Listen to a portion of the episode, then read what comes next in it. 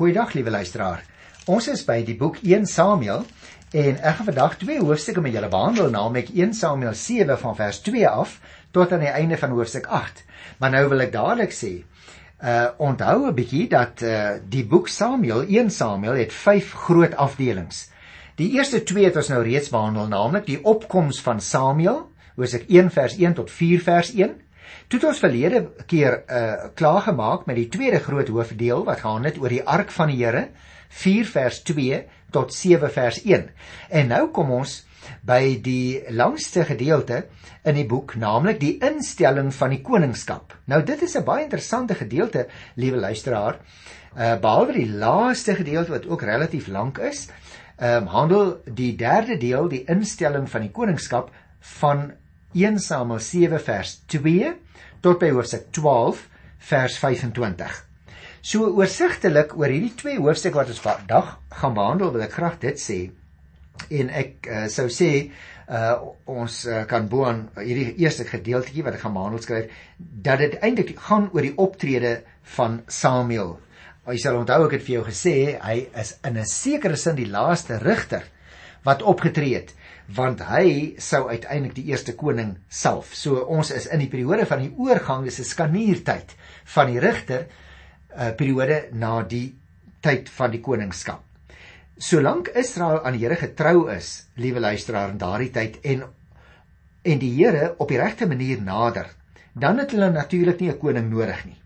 Die Here en sy verteenwoordiger is suksesvol in beheer.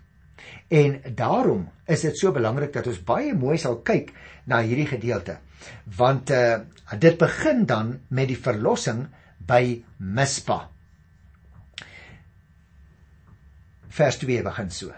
Vandat die ark in Kirjat Jearim in staanplek gekry het, het daar 'n lang tyd verloop, 20 jaar. Toe het al die Israeliete by die Here gekla oor hulle verdrukking. En Samuel het vir hulle gesê: "As julle met julle hele hart na die Here toe kom, moet julle alle vreemde gode tussen julle verwyder, ook die Astartes. Rig julle harte op die Here en dien hom alleen, dan sal hy julle red uit die mag van die Filistyne. Die Israeliete het toe die Baals en die Astartes verwyder en net die Here gedien. Dis 'n interessante mededeling wat ons hier kry, want jy sal onthou, ehm um, dat die eerste gedeeltjie van hoofstuk 7 vers 1 ons meegedeel het wat van die ark van die verbond geword het onder die leiding van Eli en sy seuns. En nou word aangedui hoe Samuel se woorde aan die hele Israel gerig was en hoe die Here vir Israel onder Samuel se leiding gered het uit die ellende waarin hulle onder Eli en sy seuns verval het. Die aansluiting by die ark in Kirjat Jearim in hierdie hoofstuk is dus 'n baie gepaste skakeling vir die bogenoemde twee verhaalgroepe. Die opset van die deel is die van 'n tipiese rigter vertelling. En die paar verse wat ek gelees het, wil ek vir jou sê, hier leer ons baie duidelik nood leer bid. Maar alvorens hierdie mense dan om hulp kan bid, moet hulle eers hulle harte, so staan dit daar, op die Here rig en net vir hom dien, sê Samuel. Miskien is daarin vir jou en my ook iets om te leer, liewe luisteraar. Ons storm soms by die Here in, ons kom sommer net met ons behoeftes en ons nood. En dan moet ons self eers voor die Here buig, ons harte skoon maak. Jy sien, die hart is destyds beskou as die setel van die mens se denke en van sy besluitnemings en nie so seer van sy emosie nie. Om die gesindheid en die lewenswandel te verander, moet die denke dus eers verander word. Dit beteken hulle moet anders oor sake begin dink, wil Samuel vir hulle leer. Van die vreemde gode ontslaa raak en die Here as die enigste God erken. En dit sal dan 'n nuwe verhouding met God teweegbring. Samuel is dus baie verstandig en baie wys. Hy sê vir hulle: "Julle sal eers die Astartes moet verwyder. Julle kan nie sommer net aangaan so op julle manier soos wat julle dink is reg nie. Dit hoort nie so nie. Nou kom ons luister na vers 5 en vers 6. Toe sê Samuel: "Die hele Israel moet by Mispa bymekaar kom. Dan sal ek vir julle tot die Here bid." Hulle het toe by Mispa bymekaar gekom, water geskep en dit voor die Here uitgegiet. Op daardie dag het hulle gevas en daar het hulle bely Ons het teen die Here gesondig. Samuel het die Israeliete in Mispa onderrig gegee oor wat reg en verkeerd is. Het jy opgelet? Dis eers nadat die volk so op hierdie manier opnuut aan die Here toegewy is. Eers toe kon Samuel hulle bymekaar roep om te bid. Hy sê vir hulle julle moet eers julle harte regkry. En toe hulle dit gedoen het, roep hy hulle nou bymekaar en hy sê nou is dit tyd om saam te bid. En die plek hier wat aangedui word is Mispa.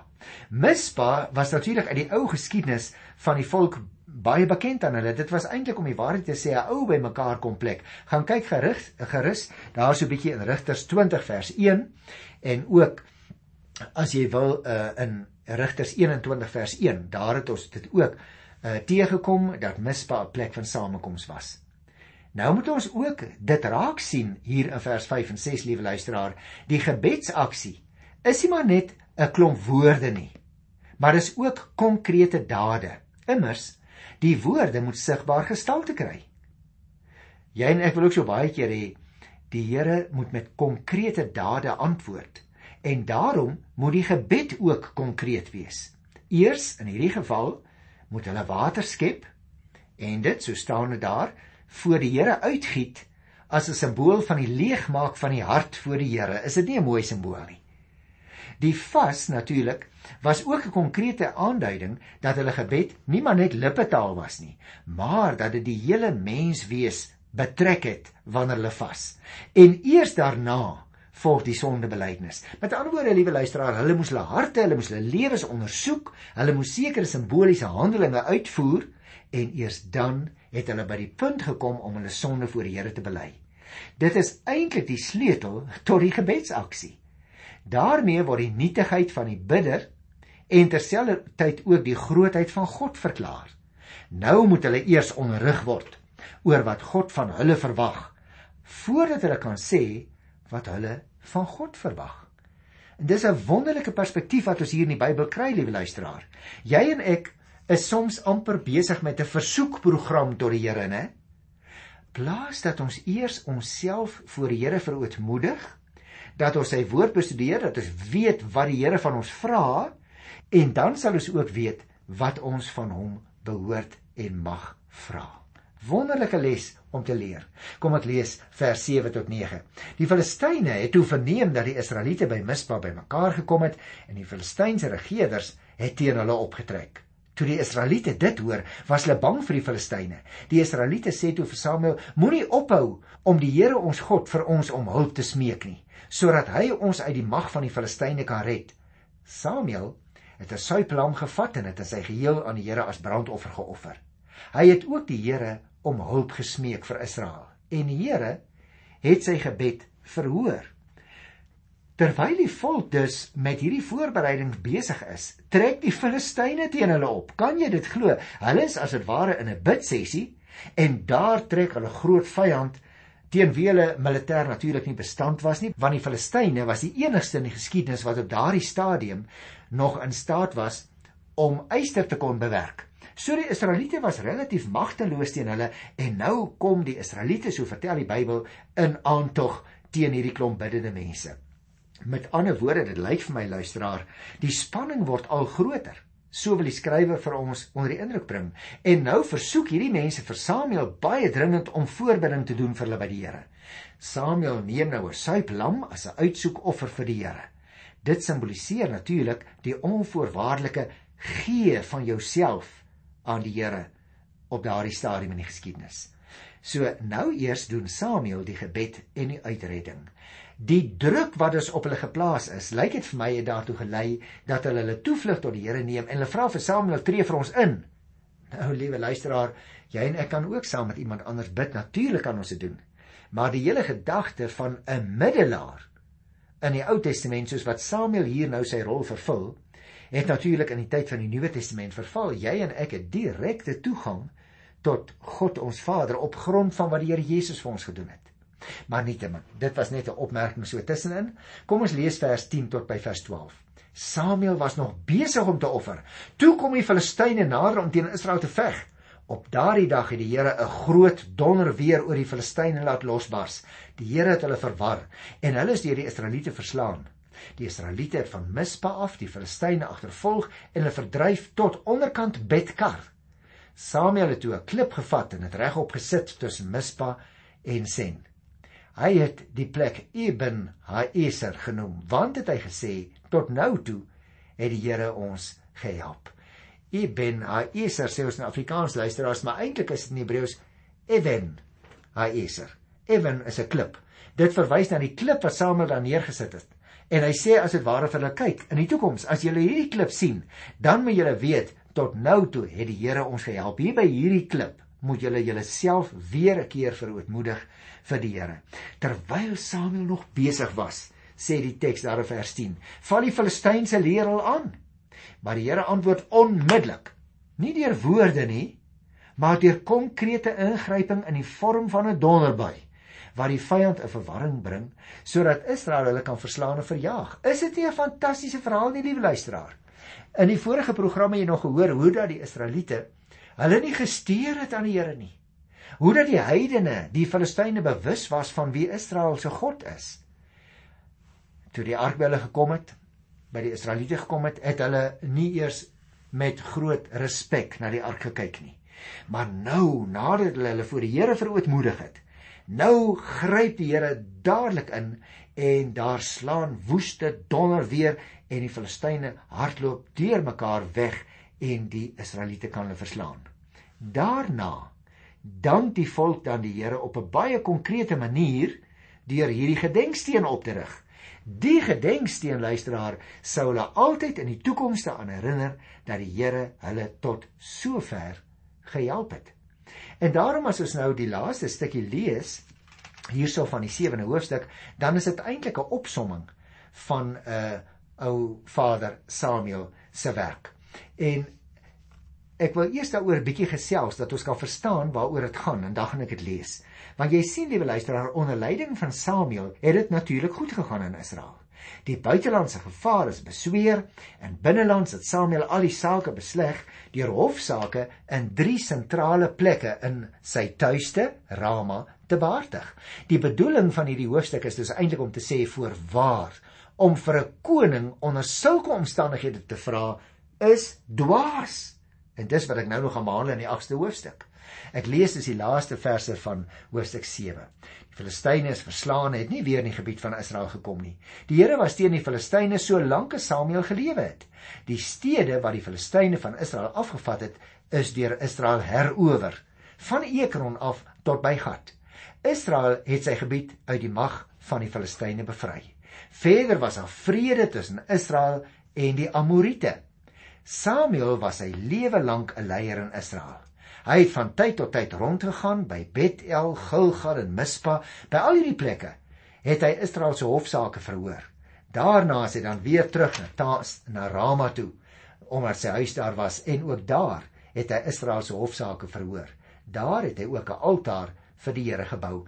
Jy sien die 7de hoofstuk sluit dus af om te sê kyk, in die tyd van Samuel het die ouens nou weer die Here begin dien hier teen die einde van sy lewe. Maar Nou vra hulle jou waarlik waar 'n koning hier in die volgende hoofstuk.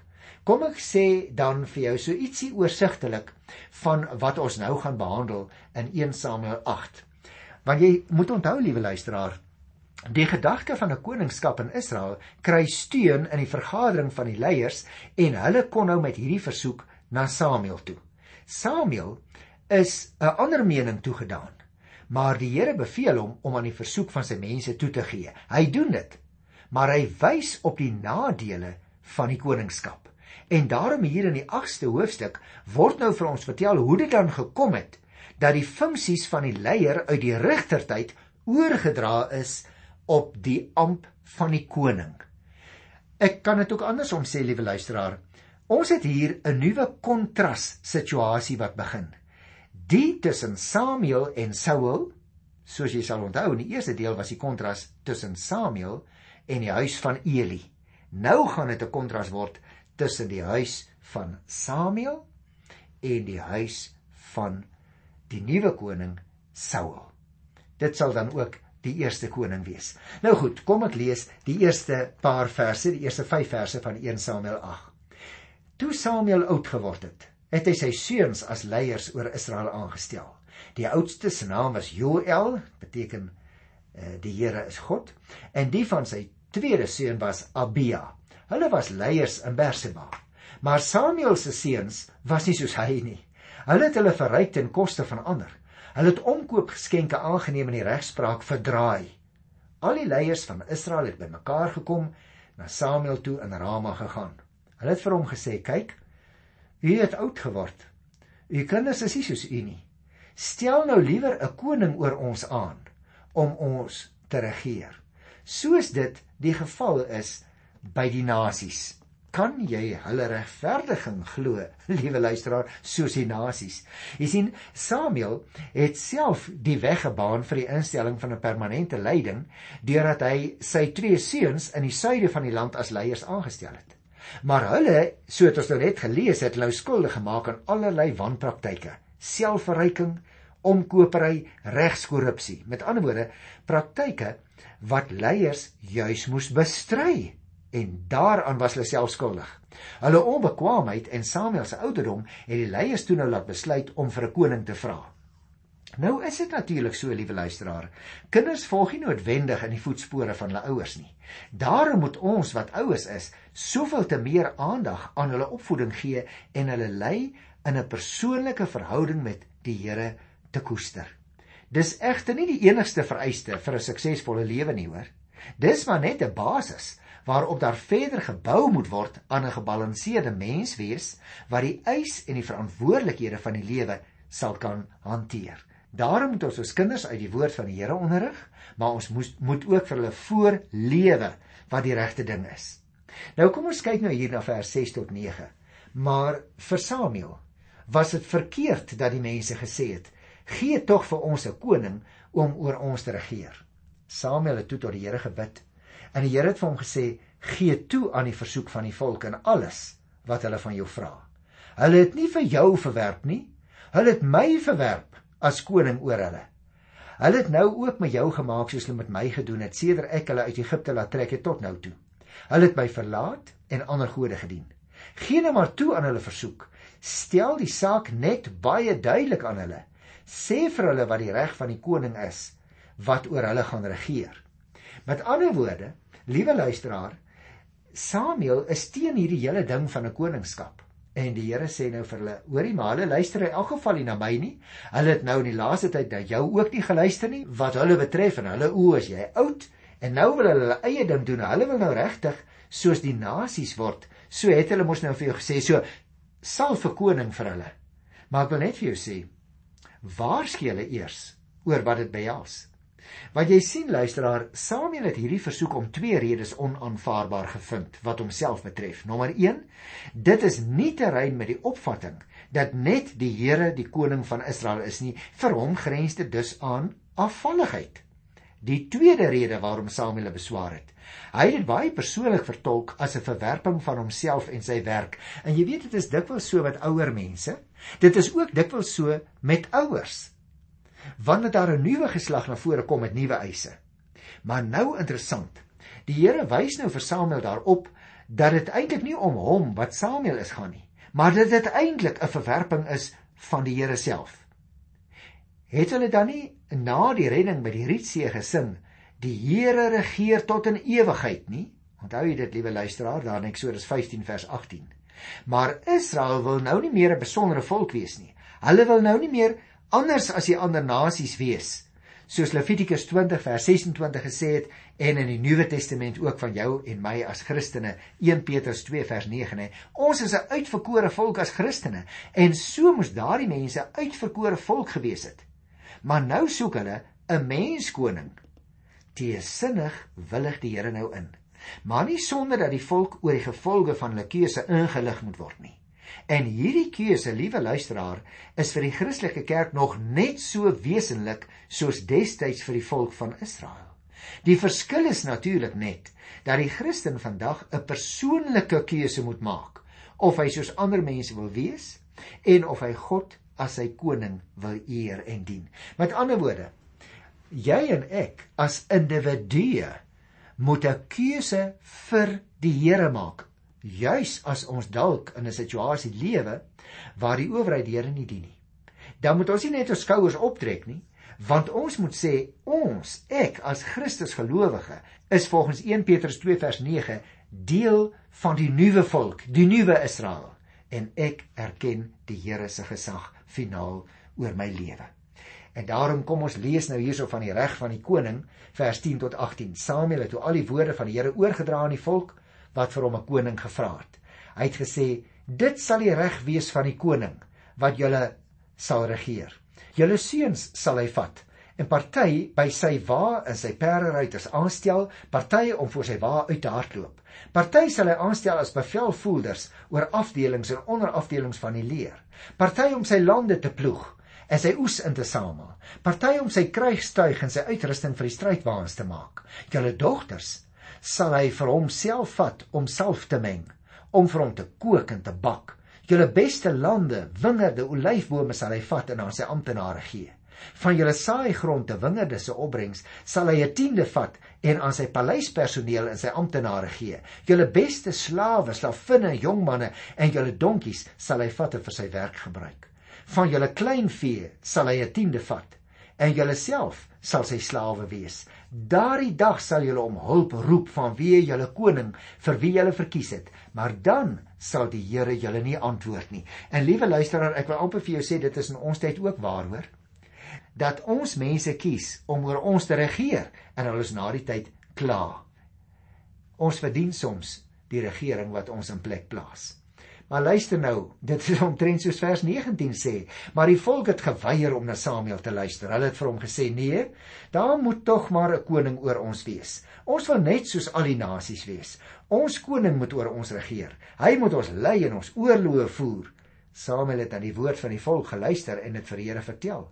Toe sê die Here vir Samuel: "Gee toe aan hulle versoek. Stel 'n koning oor hulle aan." Samuel het toe vir die manne van Israel gesê: "Gaan julle nou almal huis toe.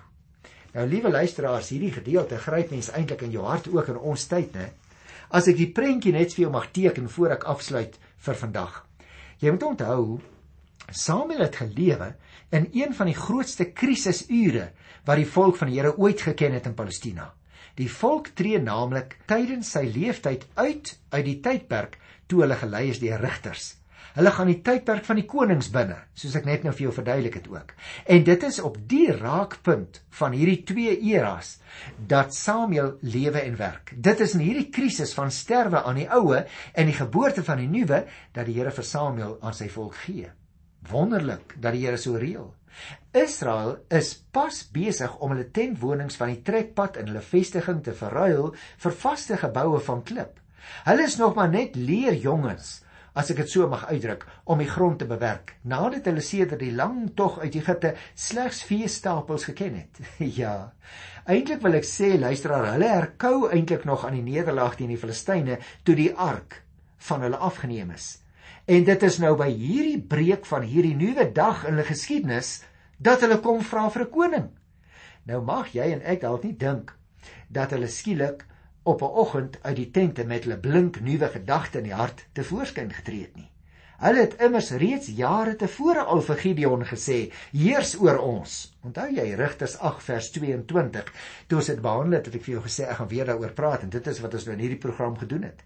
Ook uit die fabel van Jotam sal jy onthou in Rigters 9, toe die koningskap van Abimelek oor Israel ter sprake was, blyk dat die volk wel al vir baie lank tye hierdie saak oorweeg het in die geskiedenis. Buitendien het hulle volgens Deuteronomium 17 van vers 14 af geweet dat die instelling van 'n koning oor Israel nie noodwendig teen die wil van die Here was nie. Die volksbegeerte van 1 Samuel 8 is dus nie in stryd met die Here se plan vir sy volk nie. Maar die feit dat hulle sê ons wil soos al die nasies wees, dis die probleem.